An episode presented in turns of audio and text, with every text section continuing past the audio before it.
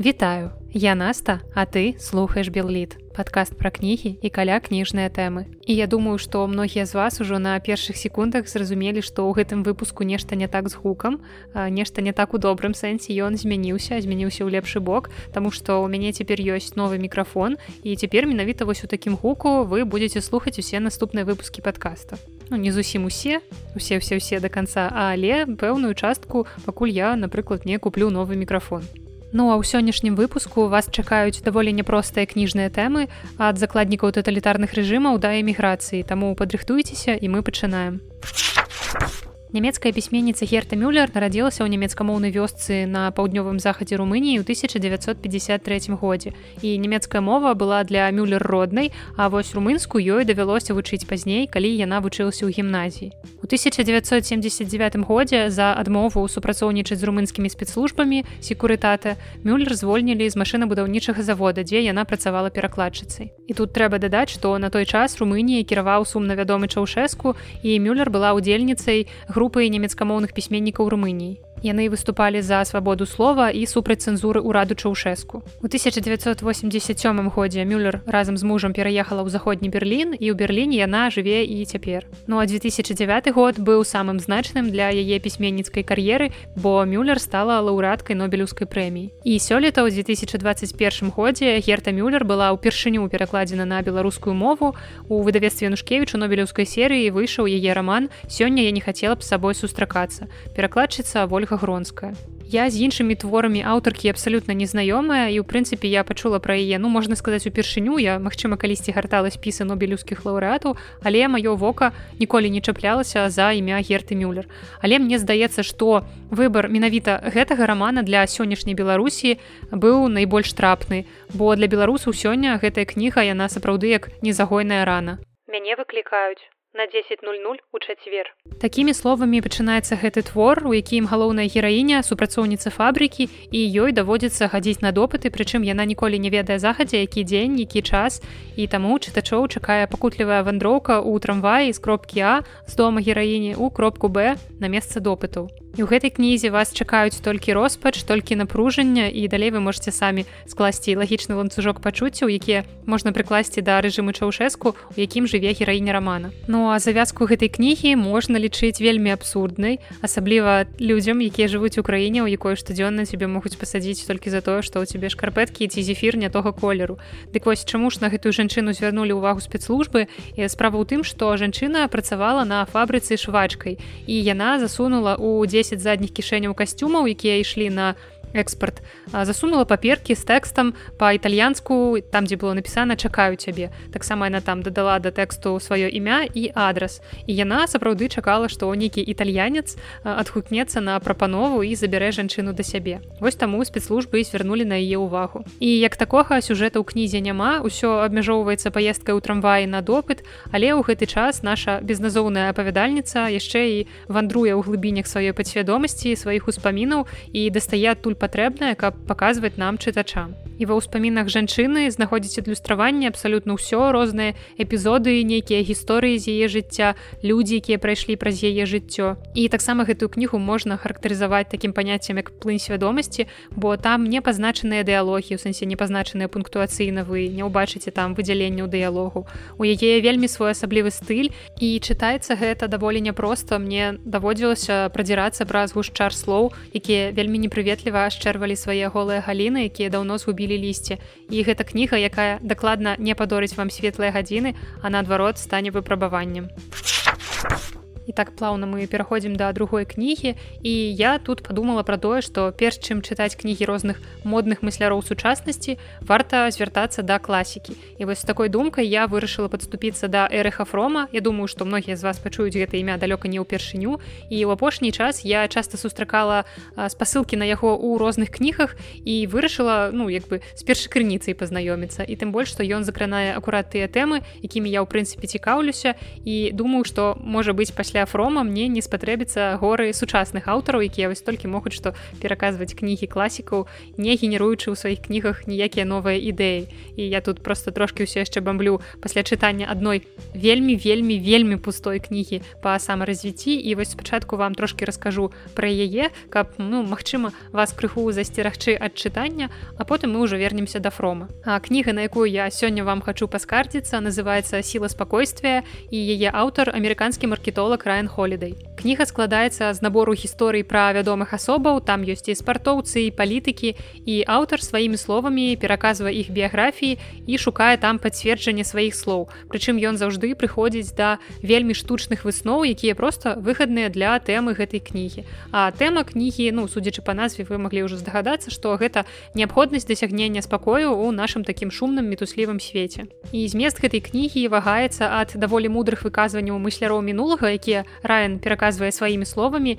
і прычым часам ён іх выварочвае і вельмі моцна ну можна сказаць скажае сутнасць і пра гэта нават вельмі часта згадваецца ў заўвагах рэдактара што маўляў аўтар напісаў пра гэта вось так але аўтар кнігі сіла спакойствия перадае чамусьці гэта гэтыя словы ну нейкімі іншымі сваімі сэнсамі. І ўсё гэта зводзіцца да такіх даволі банальных ісцін самога гэтага раяна Прычым холідай не ведае пра што думалі вядомыя асобы гісторыі якіх ён пераказвае ён просто дадумвае за іх ён прыходзіць да зручных для сябе высноў са словамі Вось я ж казаў вось кеннедзі ён таксама верыў сілу спакою і таму ён стаў такі паспяховым. Ёсць такі выдатны выраз якім мне вельмі падабаецца ён гучыць так нацягнуць сафу на глобус вось гэта менавіта тое што я магу сказаць пра гэтую кнігу. І апошняй кропляй тут для мяне стала вось наступная цытата нужно дать своему телу, как заметила Вирджиния Вулф, собственное место, хотя бы на несколько часов, где мы могли бы подумать и обрести тишину и уединение.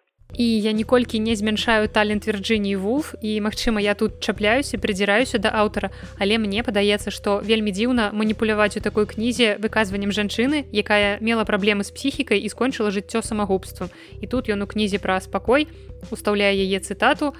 Ну гэта вельмі дзіўна і катэгарычнасць аўтара таксама тут не працуе ў плюс кнізе бо ён перакананы што ўсім абавязкова патрэбная вера ў нейкія вышэйшыя сілы. Бо інакш мы не паўнавартасныя мы ніколі не дасягнем спакою а такім чынам і поспеху ніколі не дасягнем. І як кажуць у Амерыцы булшит бо не трэба раўняць усіх людзей бо у людзей абсалютна розныя мэты розныя сродкі розныя шляхі дасягнення. І катэгарычнасць аўтара вось у гэтым выпадку толькі адштурхоўвае. Бо для кагосьці сіла сапраўды ў спакоі нехта хоча просто быць на адным месцы мець дом сям'ю рано ўставаць раніцай лавіць там кожны момант жыцця. А для кагосьці гэта не самы прыемны лад жыцця. Мне здаецца нехта не шукае такую вось агавань скажем так у якой можна кінуць якар. Бо ёсць такія людзі у якіх мэта просто дарога няспынны рух.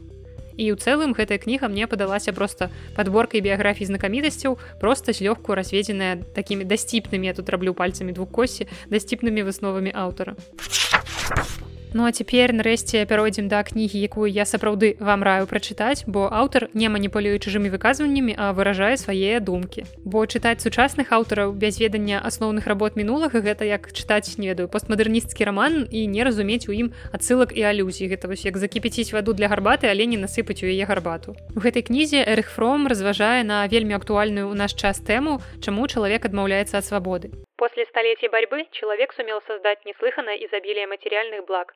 В одной части мира он создал демократическое общество и недавно сумел защитить его от новых тоталитарных угроз – Но, как показывает анализ в бегстве от свободы, современный человек все еще охвачен беспокойством и подвержен соблазну отдать свою свободу всевозможным диктаторам или потерять ее, превратившись в маленький винтик машины, не в свободного человека, а в хорошо накормленный и хорошо одетый автомат. Эрик Фром задается пытанием, чему люди так легко оказываются у закладниках у аўтарытарных кіраўнікоў у тоталітарных дзяржавах.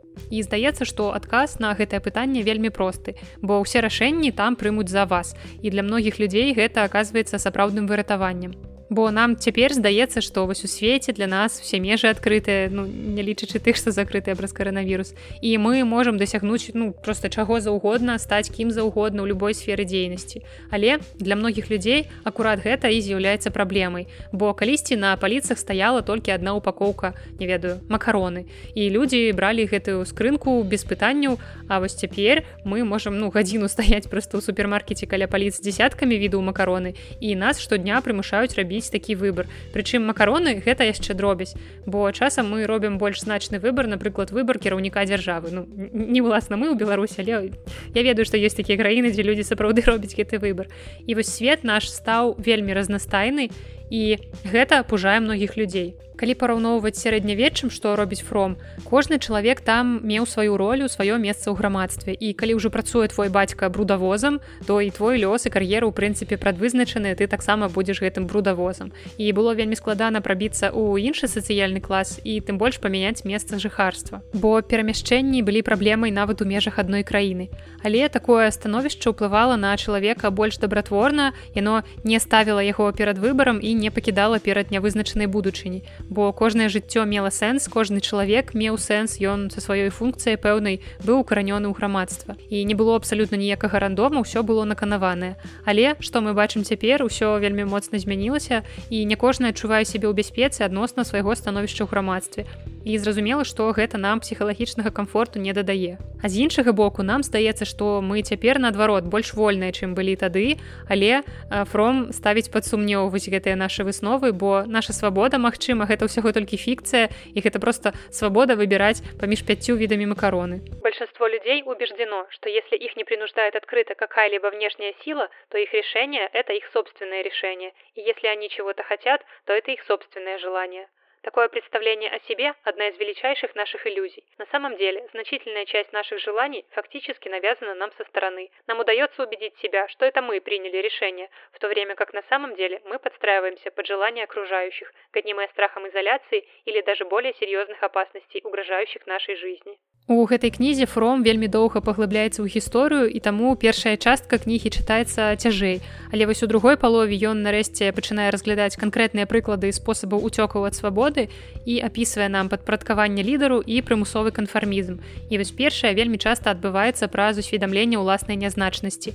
І гэта можа адбывацца як у лакальных маштабах, калі ты проста падпарадкоўваешся нейкаму значнаму чалавеку ў тваім асяроддзі. Або гэта можа адбывацца на ўзроўні цэлай дзяржавы, як напрыклад у нацысцкай германії другі спосаб уцёкаў ад свабоды гэта канфармізм ён выяўляецца ў тым што чалавек цалкам падпарадкоўваецца культурным паттернам і паводзіць сябе менавіта так як ад яго чакаюць і губляе ўсякую сваю індывідуальнасць і такім чынам ён зліваецца са сваім асяроддзям і перастае сябе адчуваць адзінокім изаляваным бо ён цяпер такі ж як і ўсе вакол Средний посетитель музея, рассматривающий картину знаменитого художника, скажем, Рембранта, находит ее прекрасной и впечатляющей. Если проанализировать его суждение, то оказывается, что картина не вызвала у него никакой внутренней реакции, но он считает ее прекрасной, зная, что от него ожидают именно такого суждения. То же самое происходит с мнениями людей о музыке и даже с самим актом восприятия вообще. Очень многие, глядя на какой-нибудь знаменитый пейзаж, фактически воспроизводят в памяти его изображение, которое неоднократно попадалось им на глаза, скажем, на почтовых открытках. Они смотрят на пейзаж, искренне веря, что видят его, но в действительности видят те самые открытки. Если при них случается какое-нибудь происшествие, то они воспринимают ситуацию в терминах будущего газетного репортажа. У многих людей любое происшествие, в котором они принимали участие, любой концерт, спектакль или политический митинг, на котором они присутствовали, все это становится для них реальным лишь после того, как они прочтут об этом в газете. І калі б фром жыў у наш час, я думаю, што ён бы да гэтага пераліку дадаў, напрыклад тое, што людзі не могуць наведаць нейкае мерапрыемства без таго, каб яго не сфотаграфаваць. І чамусьці яны лічаць магчыма, што не сфотаграфаваў, не пабываў або як зараз вельмі модна ёсць фраза не сфоткаў не з'еў. Ну а калі звярнуцца да пачатку гэтага выказвання фрома. Можна адзначыць што сапраўды на жаль многія людзі часта блытаюць свае і чужыя жаданні і меркаванні і выдаюць агульнапрынятыя думкі за свае бо просто ў многіх на жаль ужо не застаецца сіл на ўласнае меркаванне бо для гэтага павінны быць спачатку задаволеныя першасныя патрэбы. А у многіх жыхароў нашай краіны на гэта задавальненне сыходзіць увесь час усе сілы і таму тут у прынцыпе не да развіцця культуры ці нейкіх іншых імкненняў. Я думаю што бегства ад свабоды гэта вельмі важная кніга якая ад нашай рэальнасці ад нашага часу не адышла далёка і яна напісана даволі простай мовай і прымушае сябе адчуць яшчэ больш бездапаможным бо фром нас нібыта тыкае носам гэтую бездапаможнасць і няздольнасць самастойна рабіць выбор і гэта ўсё занадта балюча але у глыбіні душы ты разумееш што гэта ўсё праўда. І кніга не вельмі аб'ёмная але там ёсць што абмеркаваць і практычна на кожнай старонцы можна абмяркоўваць. І таму вельмі рэкамендую вам яе да чытання.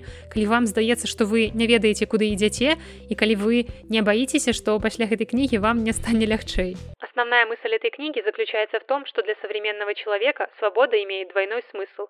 Он освободился от прежней власти и превратился в индивида, но в то же время стал изолирован и бессилен, стал орудием внешних целей, отчужденным от себя самого и от других людей. Мы говорили, что такое состояние подрывает человеческую личность, ослабляет и запугивает человека, подготавливает его к подчинению, к новому рабству. Позитивная же свобода означает полную реализацию способностей индивида, дает возможность жить активно, спонтанно. Свобода, движимая внутренней логикой своего развития, достигла критической точки, где ей угрожает опасность обратиться в свою противоположность. Наступная кніга вельмі лагічна працягвае тэму ўцёкаў, якую закрануў фром, толькі герой апошняга рамана Эрыха Марыі Рэмарка земля абітаваная бяжыць акурат ад нацысцкага рэжыму. Твор быў надрукаваны ў 1998 годзе праз 28 гадоў пасля смерці пісьменніка. І асноўныя складнікі гэтага рамана гэта надзея і памяць.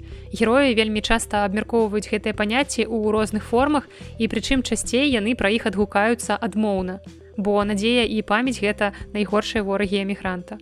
Память – лучший фальсификатор на свете. Все, через что человеку случилось пройти, она с легкостью превращает в увлекательное приключение, иначе не начинались бы все новые войны. «Надежда», — с усмешкой ответил я, — «надежда доканывает человека, вернее всякого несчастья. Вам ли этого не знать, господин Левин?» У меня не было ни малейшего желания объяснять этому невинному дитяти легитимного права, сколь губительно иной раз бывает надежда. Она пожирает все ресурсы ослабленного сердца, его способность к сопротивлению, как неточные удары боксера, который безнадежно проигрывает. На моей памяти обманутые надежды погубили гораздо больше людей, чем людская покорность судьбе, когда ежиком свернувшаяся душа все силы сосредотачивает на том, чтобы выжить, и ни для чего больше в ней просто не остается места. І гэтая кніга яна пра надзею і памяць і гэта вельмі страшная і актуальная кніга пра эміграцыю і жыццё нямецкага бежанца ў чужой краіне. І яна актуальная таму, што не заўсёды патрэбная вайна, каб хацелася са сваёй краіны збегчы. Чтобы жить без корней, надо иметь сильное сердце. Роман не скончаны, ён дайшоў да нас у трох чарнавых рэдакцыях, але калі вы яго прачытаеце, то ў прынцыпе вы зразумееце, што у канцы кропка ў гэтым творы яна не так і важная, бо кнігу можна проста спыніць у любым месцы або наадварот працягваць яе бясконца.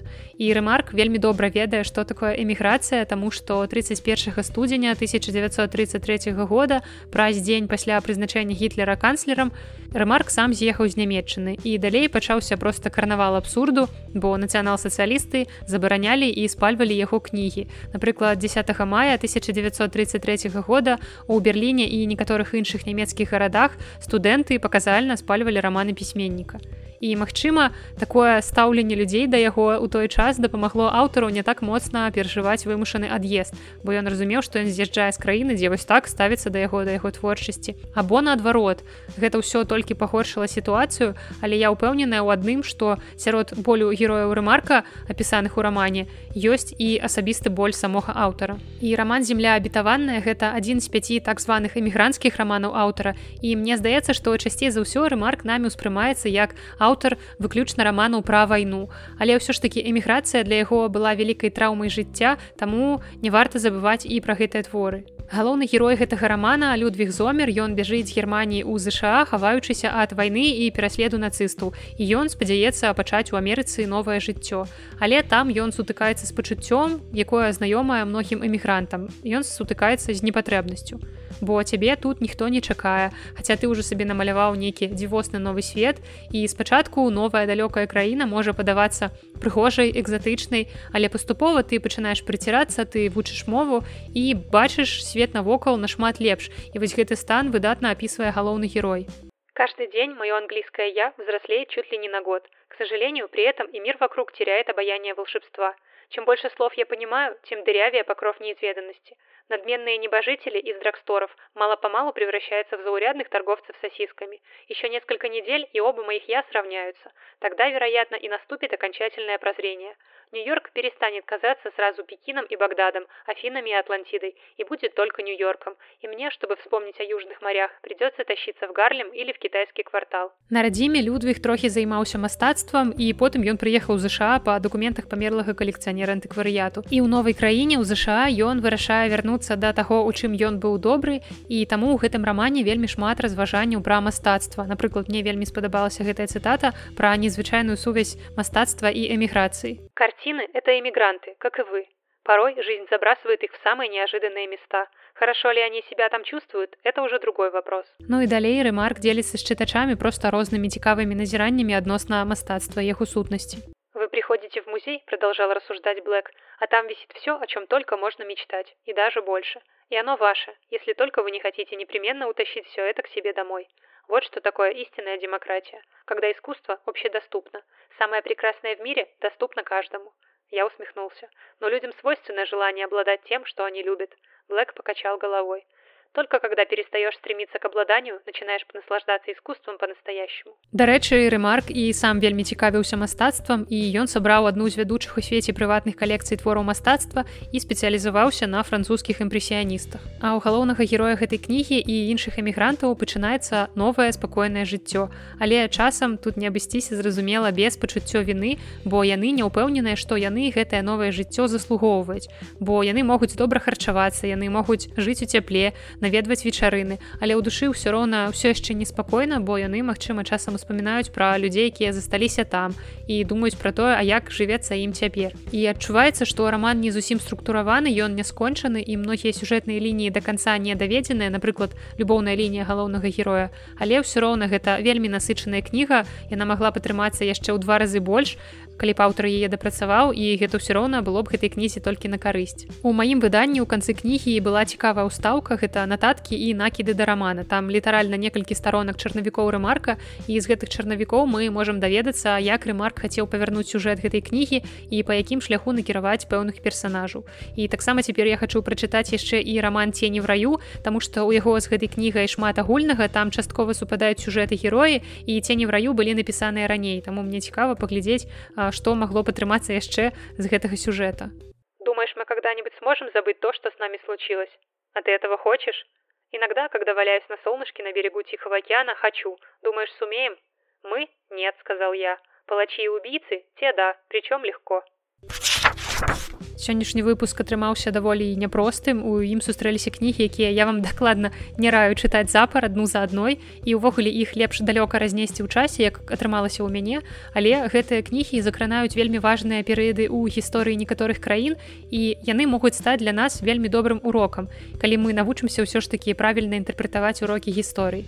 І ўсе кнігі з гэтага выпуска традыцыйна ў апісанні да яго. І на сёння я развітваюся. З вами была наста. Новы мікрафон і падкаст белліт да сустрэчы